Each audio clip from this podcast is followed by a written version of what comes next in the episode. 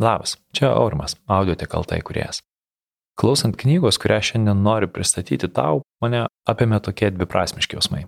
Viena vertus istorija pasirodė lengvai nuspėjama, plokščia, kiek primityvoka, kita vertus pačios lyderystės pamokos - amžinos, teisingos, o ir pateiktos taip, kad kiekvienam bus lengva jas išgirsti, suprasti ir įsisamoninti. Tai kviečiu ir tave susipažinti su Robin Sharma audio knyga Lyderis be titulo. Manau, kad didžiausia dovana man pačiam klausant šitos knygos buvo savotiška savirefleksija. Pamatymas, kiek toli per paskutinius dešimt metų buvo nueita. Klausydamas bandžiau prisiminti, koks mano požiūris buvo tik pradėjus audioteką. Į baimės, ego, statusą, tarnystę, atkaklumą, darbą su komanda ir suprantu, kad nuo to laiko labai daug kas pasikeitė. Į gerą. Taigi nors pati istorija ir nebuvo įtin įtraukianti.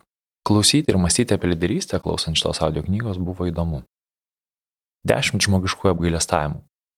Trečiajame knygos skyriuje autorius pateikė dešimt žmogiškųjų apgailestavimų, ko žmonės labiausiai gailėjosi gulėdami mirties patale. Norėčiau jais pasidalinti. Pacituosiu tiksliai, kaip jie pateikti knygoje. Pirmasis apgailestavimas. Tavo gyvenimo saulė jau leidžiasi, o tavyje taip ir nesuskambo ta nuostabi daina, kurią tau buvo skirta sudainuoti. Antrasis apgailestavimas.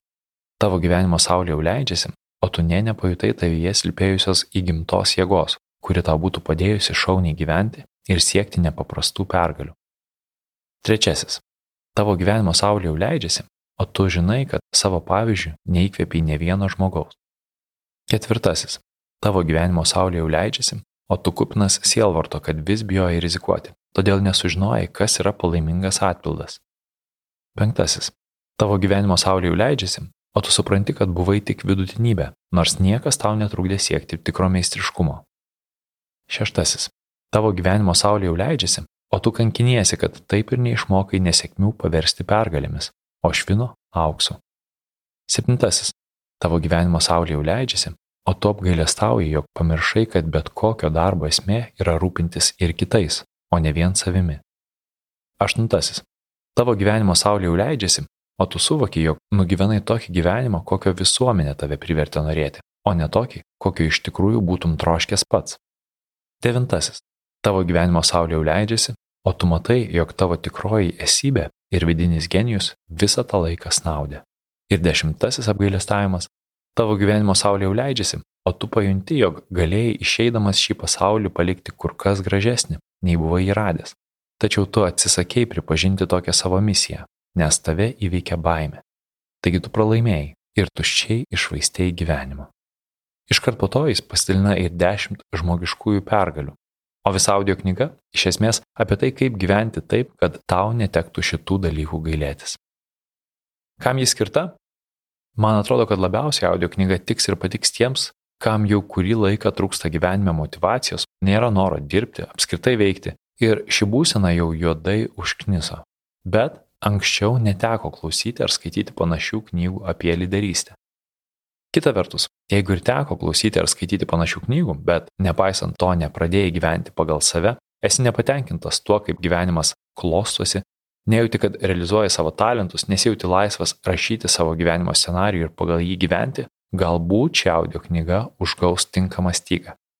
Bet jeigu tu gyveni savo gyvenimą pagal savo norus, keli savo aukštus standartus ir jų laikaisi, baimės tavęs nestabdo, ar bent jau nesustabdo, Savo pavyzdžių įkvėpė aplinkinius, dažnai gali pasidžiaugti savo pergalėmis, tave supa puikiai komanda, tuomet ši knyga tikrai ne tau.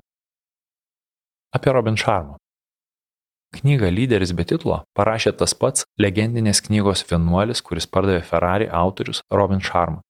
Jo talentas - paprastai paaiškinti sudėtingus dalykus, o šių lyderystės principų jis moko vadovus tokiose kompanijose kaip Microsoft, General Electric, Nike, FedEx ar IBM. Pristatydama šią knygą jis kalbėjo taip. Aukos skundžiasi problemomis, lyderiai siūlo sprendimus. Nuoširdžiai viliuosi, kad lyderis be titulo padės jums ir jūsų organizacijai šiais neramiais laikais atskleisti geriausias savo savybės ir pakeisti verslo žaidimo eigą savo naudai. Netrukus kviečiu čia pat pradėti šios audio knygos klausyti nemokamai. Pabaigai trumpai apie audio knygą. Autorius Robin Sharma, pavadinimas Lyderis be titulo, Skaito Audrius Čikauskas, trukmė 7 val. ir 15 min. Nemokamos ištraukos trukmė 25 min. Paklausom. Audioteka LT ir leidikla Luceo pristato Robino Šarmos audio knygą Lyderis be titulo. Iš anglų kalbos vertė Aneta Gudelytė. Įgarsino Audrius Čiaikauskas. Audioteka LT, leidikla Luceo, 2022 metai. Visos teisės saugomos. Skiriu šią knygą jums, mano klausytojai. Mane įkvepia jūsų ryštas pažadinti savo vidinį lyderį ir troškimas siekti geriausių rezultatų. O jūsų noras kiekvieną sutiktą jį padaryti geresnį, nei šis buvo pirmiau, skatina mane dar karščiau padėti žmonėms tapti lyderiais be titulo. Po 20 metų jums kels didesnį nusivylimą tie dalykai, kurių nepadarėte, negu tie, kuriuos padarėte. Tad atriškite laivavirves, išplaukite iš saugaus uosto, įkinkykite vėjus į savo būres. Tyrinėkite, svajokite, atraskite. Markas Tvenas Jūs turite per mažai laiko, kad galėtumėte gyventi kitų žmonių gyvenimus. Steve'as Jobsas Robino Šarmos pastaba Knyga, kurios dabar klausotės, yra beveik 15 metų darbo rezultatas. Lyderiavimo klausimais konsultavau tokias garsias kompanijas kaip Microsoft, General Electric, Nike, FedEx ir IBM. Dirbau draugė su Jeilio universiteto, Amerikos Raudonojo kryžiaus ir jaunųjų prezidentų organizacijos atstovais. Pritaikę mano pateiktus lyderiavimo principus, jūs pasieksite nepaprastų rezultatų Padėsite savo organizacijoms pakilti į aukštesnį profesionalumo lygį, pelnysite klientų lojalumą. Taip pat pasikeis jūsų asmeninis gyvenimas ir įvaizdis.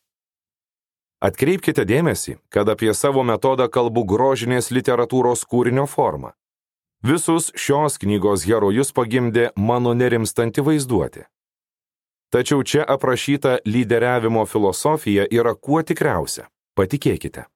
Ji padėjo daugybei žmonių ir daugybei organizacijų. Aukos skundžiasi problemomis.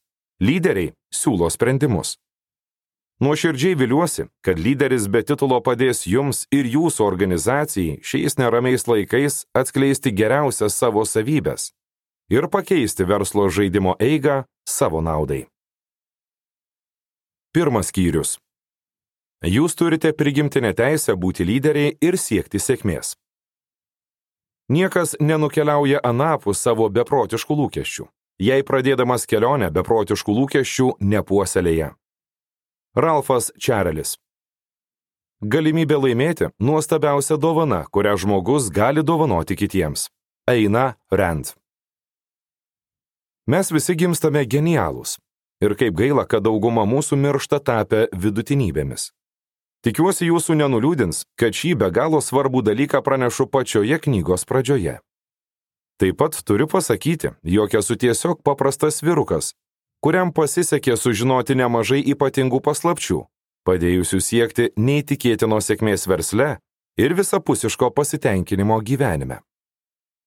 Gera žinia yra ta, kad šioje nepaprastoje kelionėje, į kurią mes kartu leisimės, Aš su jumis pasidalysiu viskuo, ką man pavyko išsiaiškinti. Tad jūsų irgi laukia sėkmė ir įspūdingas gyvenimas. Kelionė prasideda šiandien. Tas ypatingas pamokas aš jums perteiksiu labai rūpestingai ir su nuoširdžiu padrasinimu. Mūsų bendra kelionė bus kupina smagių nuotikių, įkvėpimo ir pramogų. Principai ir metodai, su kuriais susipažinsite, iškart pastumės jūs karjeros laiptais į viršų. Padarys jūs laimingus ir padės atsiskleisti gražiausi jūsų esybės daliai. Tačiau be nesvarbiausia yra tai, kad aš būsiu su jumis nuoširdus. Jūs šito nusipelnėte. Esu Bleikas Deivisas ir nors gimiau Milvokyje, be maž visą gyvenimą praleidau New York'e. Ir vis dar myliu šį miestą. Jo restoranus, jo tempą, jo žmonės ir tuos sumuštinius su karštomis dešrelėmis gatvėse. Jie neįtikėtini. Taip, aš dievinu maistą, nes man tai yra vienas iš didžiausių gyvenimo malonumų. Kaip ir malonūs pokalbiai, mėgstamos sporto varžybos ir geros knygos. Žodžiu, žemėje nėra kitos tokios vietos kaip didysis obolys. Big Apple - taip yra pramintas New Yorkas. Aš tikrai neketinu išsikraustyti iš New Yorko, nei šiuo metu, nei kada nors. Dabar prašau leisti man truputį pakalbėti apie savo vaikystę, o paskui mes grįšime prie keistų ir labai svarbių įvykių, kurie mane privertė palikti tą vietą, kurioje visada norėjau gyventi. Mano mama buvo pati mieliausia moteris pasaulyje, o tėvas ryštingiausias vyras, kokį man kada nors teko sutikti. Tokius žmonės vadina žemės druska. Jie nebuvo tobuli, bet parodykite man nors vieną tobulą. Tačiau svarbiausias dalykas tas, kad jie visada stengdavosi iš paskutiniųjų. Padarydavo viską, kas įmanoma. Tada galima eiti namo ir ramiai miegoti. Nerimauti dėl dalykų, kurių neįmanoma valdyti, yra tiesiausias kelias į lygos patalą. Be to, didžioji dauguma dalykų, kurie mums kelia tiek rūpeščių, tikrovėje niekada neatsitinka. Rašytojas Kurtas Vonegutas apie tai pasakė štai tokiais gražiais žodžiais. Tikrosios jūsų gyvenimo bėdos yra tie dalykai, apie kuriuos jūs net nepagalvojate. O jie kaip perkūnas iš giedro dangaus trenkia ketvirtą valandą po piet kokį ramų antradienį. Tėvai mane formavo daugybę būdų. Jie buvo sukaupę mažai daiktų, kita vertus turėjo viską nuostabių vertybių, savigarbą ir nebijojo ginti savo įsitikinimų. Man jų vis dar skausmingai trūksta ir nebūna dienos, kad pamirščiau mintise jiems padėkoti. Vidinės tylos akimirkomis aš kartai susimastau apie tai, jog mes paprastai laikome savajame suprantamų dalykų tuo žmonės, kuriuos labiausiai mylime, kol juos prarandame. Tada tyliai melžiame, kad mums būtų suteikta antroji galimybė jiems atsakyti tokiu elgesiu, kokio jie buvo nusipelnę. Neleiskite, kad panašūs apgailestavimai nuodytų jūsų gyvenimą. Deja, daugeliu iš mūsų šitaip atsitinka labai dažnai. Jei esate tokie didžiai palaiminti, jog dar turite tėvus, gerbkite juos. Ir tą pagarbą parodykite jau šiandien.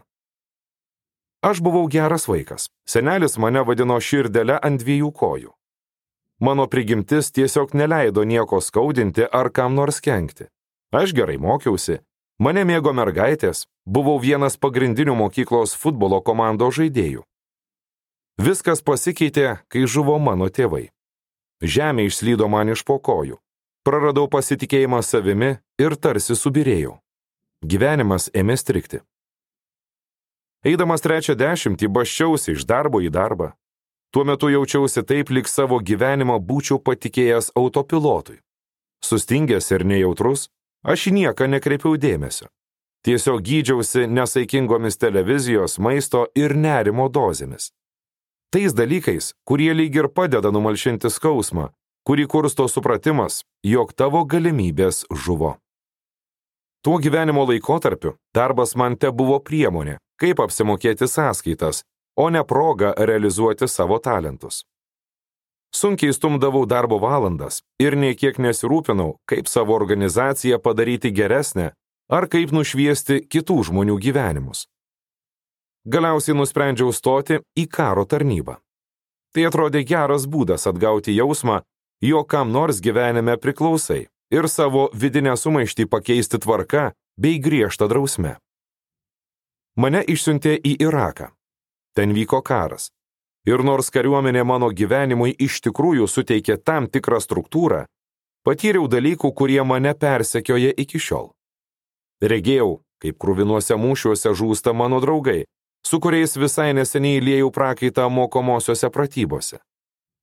Mačiau, kaip negailestingai luošinami ir žalojami jaunučiai kareiviai, dar visai vaikai. Jaučiau, kad gyvenimas tampa beviltiškas ir purvinas. Išgaravo paskutinis entuzijazmas. Tie karo vaiduokliai nuo manęs niekaip neatstojo, kad ir kur ėjau. Vieną dieną netikėtai atėjo laikas grįžti. Tai atsitiko akimirksniu. Mane įsodino į transporto lėktuvą, parskraidino namo ir praėjus dienai ar dviem, po įprastinio medicininio patikrinimo, aš įteikiau savo vadams atsistatydinimo raportą. Man padėkojo už tarnybą savo šaliai ir palinkėjo geros kloties. Saulėta rudens popietė, žengęs į gatvę supratau, kad vėl likau vienui vienas, pats su savimi. laukė itin sunki užduotis rasti būdą grįžti į visuomenę, kuri mane jau buvo pamiršusi. Kamavo košmariški prisiminimai apie smurto kupinas karo scenas ir naktimis aš dažnai tiesiog neįstengdavau užmigti. Rytais valandų valandas gulėdavau lovoje, bandydamas rasti jėgų atsikelti ir pradėti naują dieną. Man skaudėjo visą kūną. Be jokios priežasties jaučiausi išsigandęs ir kiek laisviau galėjau bendrauti tik su savo bičiuliais kareiviais. Tie dalykai, kurie man kitados labai patiko, dabar atrodė visiškai banalūs ir nuobodus. Mano gyvenime nebuvo likę jokio tikslo ar prasmės. Kartais trokšdavau numirti. Turbūt pati brangiausia tėvų dovana man buvo troškimas mokytis, gilintis į žinias sukauptas knygose. Vienoje knygoje galima aptikti idėjų, kurios kartais pakeičia visą gyvenimą. Proto lavinimas ir akiračio plėtimas puikiai investicija. Nuolatinis mokymasis - tai viena iš esminių atviros ir stiprios asmenybės savybių. O nepaliaujama saviugda yra geriausia išlikimo strategija, leidžianti ištverti sunkius laikus. Iškiliausi žmonės visada turi sukaupę didelės asmeninės bibliotekas. Taigi pradėjau dirbti knyginę Soho rajone. Tačiau buvau pernelik apatiškas, tad man sekėsi nelabai gerai. Mane dažnai peikdavo knygino vadybininkas, grėsė atleidimas iš darbo. Būdavau nesusikaupęs, nepritapau prie komandos ir dirbau gal net blogiau nei pusėtinai. Išgelbėjo meilė knygoms. Nors knygino savininkai man prikaišiojo prastą darbo etiką, klientai mane regis mėgo. Taigi aš laikiausi, bet tik ant siūlelio. Ir netikėtai reikalai pakrypo gerą linkmę. Vieną dieną mano gyvenime pradėjo vykti tikri stebuklai, kai šito mažiausiai tikėjausi. Viskas pasikeitė. Knyginė mane aplankė keistas nepažįstamasis. Per visai trumpą laiką jis išmokė mane ir kitaip dirbti, ir kitaip gyventi. Dabar, sulaukęs 29 metų ir apdovanotas didesnė sėkme bei didesniu džiaugsmu, nei kada nors drįsau svajoti, aš pradedu suprasti, kad sunkus laikai žmonės daro geresnius. Ir kad visi mes esame sukurti tapti nugalėtojais. Ir darbe, ir gyvenime. Taigi atėjo laikas papasakoti, kasgi man nutiko. Antras skyrius. Susitikimas su lyderiavimo mokytoju. Dienos ateina ir nueina tarsi tylios, miglotos figūros atsiųstos iš tolimo draugiško pobuvio ir nieko nepasako. Ir jei mes nepasinaudojame jų dovanomis, jos tyliai nusineša jas su savimi. Ralfas Valdo Emersonas Išaušo dar vienas beprotiškai nikus pirmadienio rytas. Ką tik baigėsi vadinamosios pirmadienio ryto grumtynės. Tai yra savaitinio susirinkimo pirmoji dalis, kurios metu įvardyjami ir pritarimo šūksniais bei šypsenomis apdovanojami klientų aptarnavimo herojai. Knygino apyvarta buvo menka, todėl sklandė gandai, kad jį uždarys, kai tik įsibėgės visos kompanijos reorganizacija. Reikėjo mažinti išlaidas, tobulinti darbo procesus ir didinti pelną. Ir skubiai. Susirinkimo tikslas buvo mus vėl sutelkti į komandą, pasirengusią įgyvendinti kompanijos misiją ir jos vertybės. Taip pat nuteikti mus būsimo savaitės darbui. Baigiantis metams, kiekvienas knygynas turėdavo išrinkti geriausią darbuotoją, o šis paskui varžydavosi dėl kasmetinio geriausio Amerikos knygų pardavėjo apdovanojimo, kurį buvo įsteigusi mūsų kompanija. Nugalėtojas laimėdavo nemenką sumelę ir savaitės trukmės atostogas Aruboje.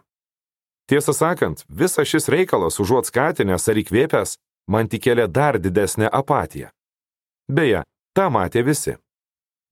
Tada atsitiko mislingas dalykas. Kai verslo literatūros skyriuje, pasislėpęs už aukštos knygų spintos, tyliai sirpčiau kavą, stengiausi išsisukti nuo darbo aišku. Staiga pajutau, kaip man patapšnojo per petį. Akimirksniu apsisukau. Ką išvydau, mane pribloškė. Priešai stovėjo neįtikėtinai keistos išvaizdos vyras, vilkys pasibaisėtinais drabužiais. Jie buvo nederantys, seni ir skilėti. Vis dėlto pajutau, kad jo dvasia yra kuo sveikiausia. Iš liemenės kišenėlės kišojo geltoną nosinį, visai išmarginta mažais peliukais mikiais. Ant jo kaklo kabojo sidabrinė grandinėlė, kurioje moderniu šriftu buvo išgraviruotos raidės LBT. Pažiūrėjau į vyro kojas ir nustebau. Jis savėjo naujais batais, kurie tiesa buvo pigus, nevarstomi, su šviesiomis geležėlėmis įterptomis tų blizgančių batų galuose. Vyras stovėjo nejudėdamas ir tylus. Jis puikiai jautė, kokia nejauki ir ilga man yra kiekviena akimirka, bet rodės nematė reikalo tartiniai žodžio. Reta savybė šiame pasaulyje, kuriame per daug kalbama ir per mažai daroma. Nepažįstamojo veidas buvo panašus į raukšlių vandenyną ir aiškiai rodė, kad tai labai senas žmogus. Jo dantis buvo smarkiai aptrupėję ir praradę natūralią spalvą. Šiurkštus, susivėlę plaukai styrojo visomis įmanomomis kryptimis. Ir man toptelėjo, jog toks yra didysis Albertas Einšteinas, toje senoje įžymioje nespalvotoje nuotraukoje, kurioje jis mums žaismingai rodo liežuvį. Tačiau labiausiai tą pilką pirmadienio rytą mane pribloškė keistuolio akis. Ypatingos akis. Nors dėl aprangos jį galėjai palaikyti benamiu ar net psichiškai nesveiku, jo žvilgsnis buvo tvirtas, o akis skaidrios. Žinau, skamba keistai, tačiau aš, paveiktas vien tokio žvilgsnio, pasijutau ne tik saugus, bet ir suvokiau stovys priešais labai stiprią asmenybę. Sveikas, Bleikai, galiausiai tarė tas paslaptingas ir keistas žmogus sodriu balsu. Iš ties malonu su tavimi susipažinti. Daug apie tave girdėjau iš visų šio knygyno žmonių.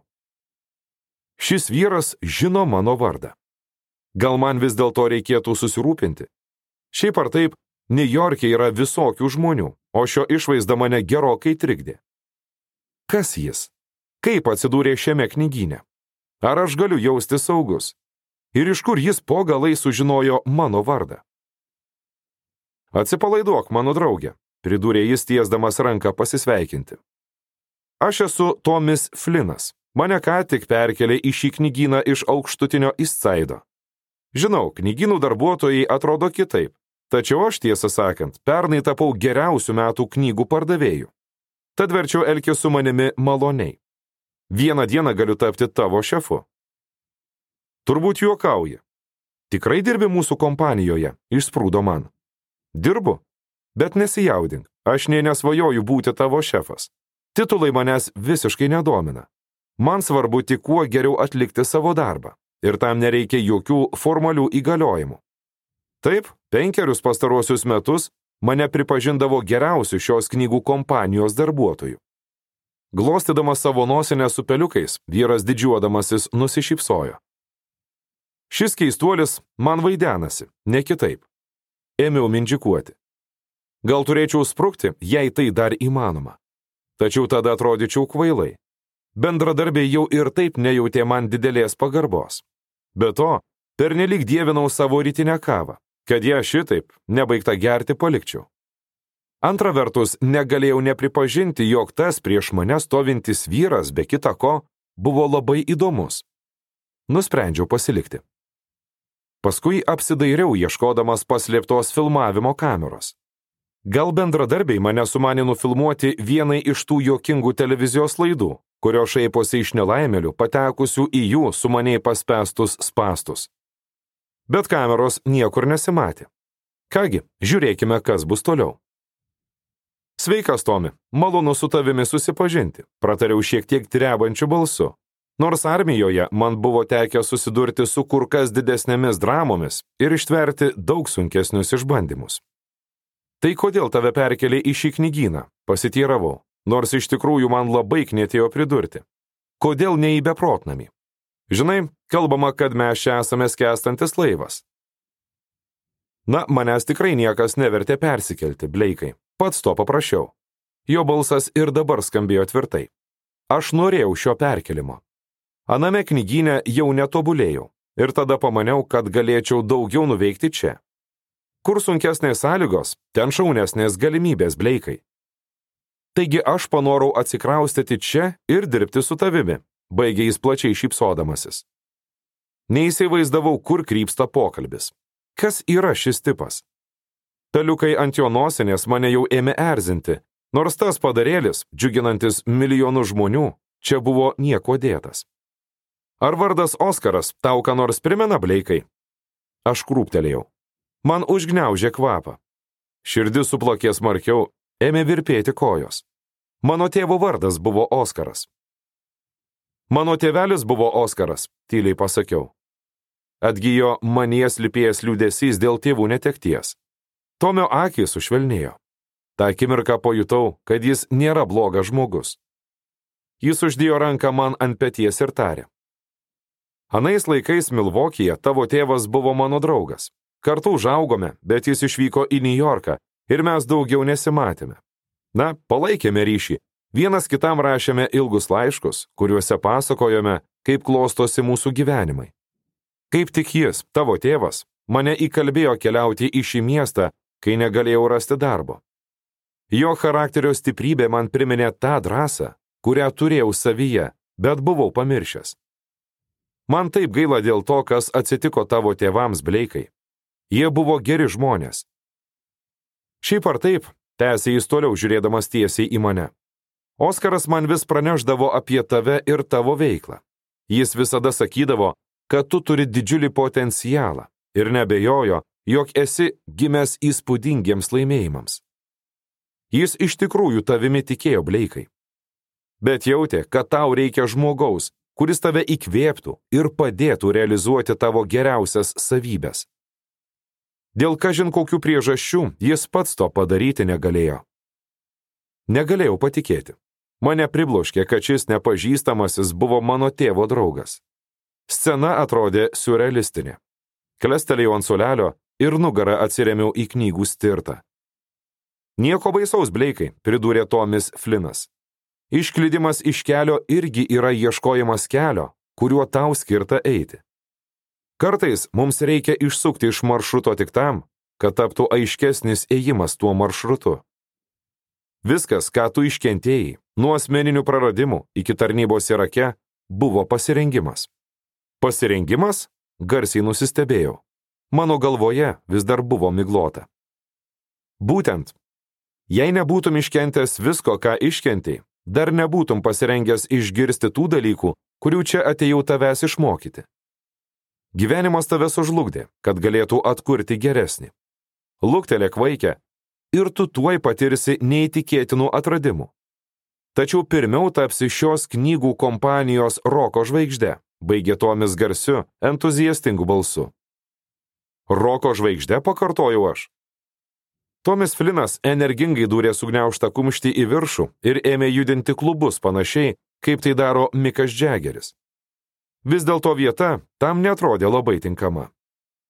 Taip, roko žvaigždė, juokdamasis patvirtino jis. Žmogau, aš vos susidoroju su savo darbu. Suprantu, tu bandai man padėti, bet to mane išties pribloškė, kad pažinoji mano tėvą. Tačiau tu net nenutoki, kokiame pragare gyvenu. Mano galvoje vis dar sukasi karo vaizdai. Retą naktį pavyksta normaliai išsimiegoti, todėl dažnai būnu visiškai išsekęs, pykstuosi su drauge. Taigi mano tikslas anaip tol nėra būti roko žvaigždė darbe. Mano tikslas yra tik kaip nors išgyventi. Tomis sunėrė rankas ir įsmeigė į mane akis. Girdžiu tave, tarė jis surimtėjęs, ir suprantu tave, Bleikai bet prašau įdėmiai išklausyti, ką tau dabar pasakysiu. Mano gyvenimas taip pat buvo pavirtęs į mėšlą. Tačiau viskas pasikeitė. Atrodė, jog įvyko stebuklas. Ir aš garantuoju, kad tau atsitiks tas pats. Tavo tėvui kitados pažadėjau, jog tau padėsiu. Tačiau visą laiką jaučiau, jog dar ne metas su tavimi susitikti. Paskui dėl keisto likimo vingio aš pamačiau tavo pavardę vienoje iš anketų, kurios pildomos norint gauti darbą šiame knygyne. Matai, geriausio Amerikos knygų pardavėjo vardas, be piniginės premijos ir kelionės į Karibus, dar suteikia galimybę dalyvauti naujų darbuotojų prieimimo komisijos darbe.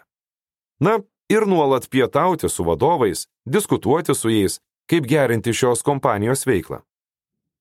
Supratau, jog tai yra galimybė susirasti tave ir pasidalyti su tavimi nuostabę lyderiavimo bei sėkmės filosofiją, su kuria pats buvau supažindintas prieš daug metų. kai taip pat jaučiausi paklydę savo profesinėje ir asmeninėje kelionėje. Tai buvo ištrauka iš Robin Sharma audio knygos Lyderis be titlo. Primenu, kad su nuolaidos kodu naujiena pristatymo savaitę audio knygą gali įsigyti 30 procentų pigiau. Nuorodą į šią audio knygą rasi audio laiško aprašymę, o taip pat žinoma audiotika programėlėje ar mūsų svetainėje adresu audiotika.lt. Iki greito, Aurimas.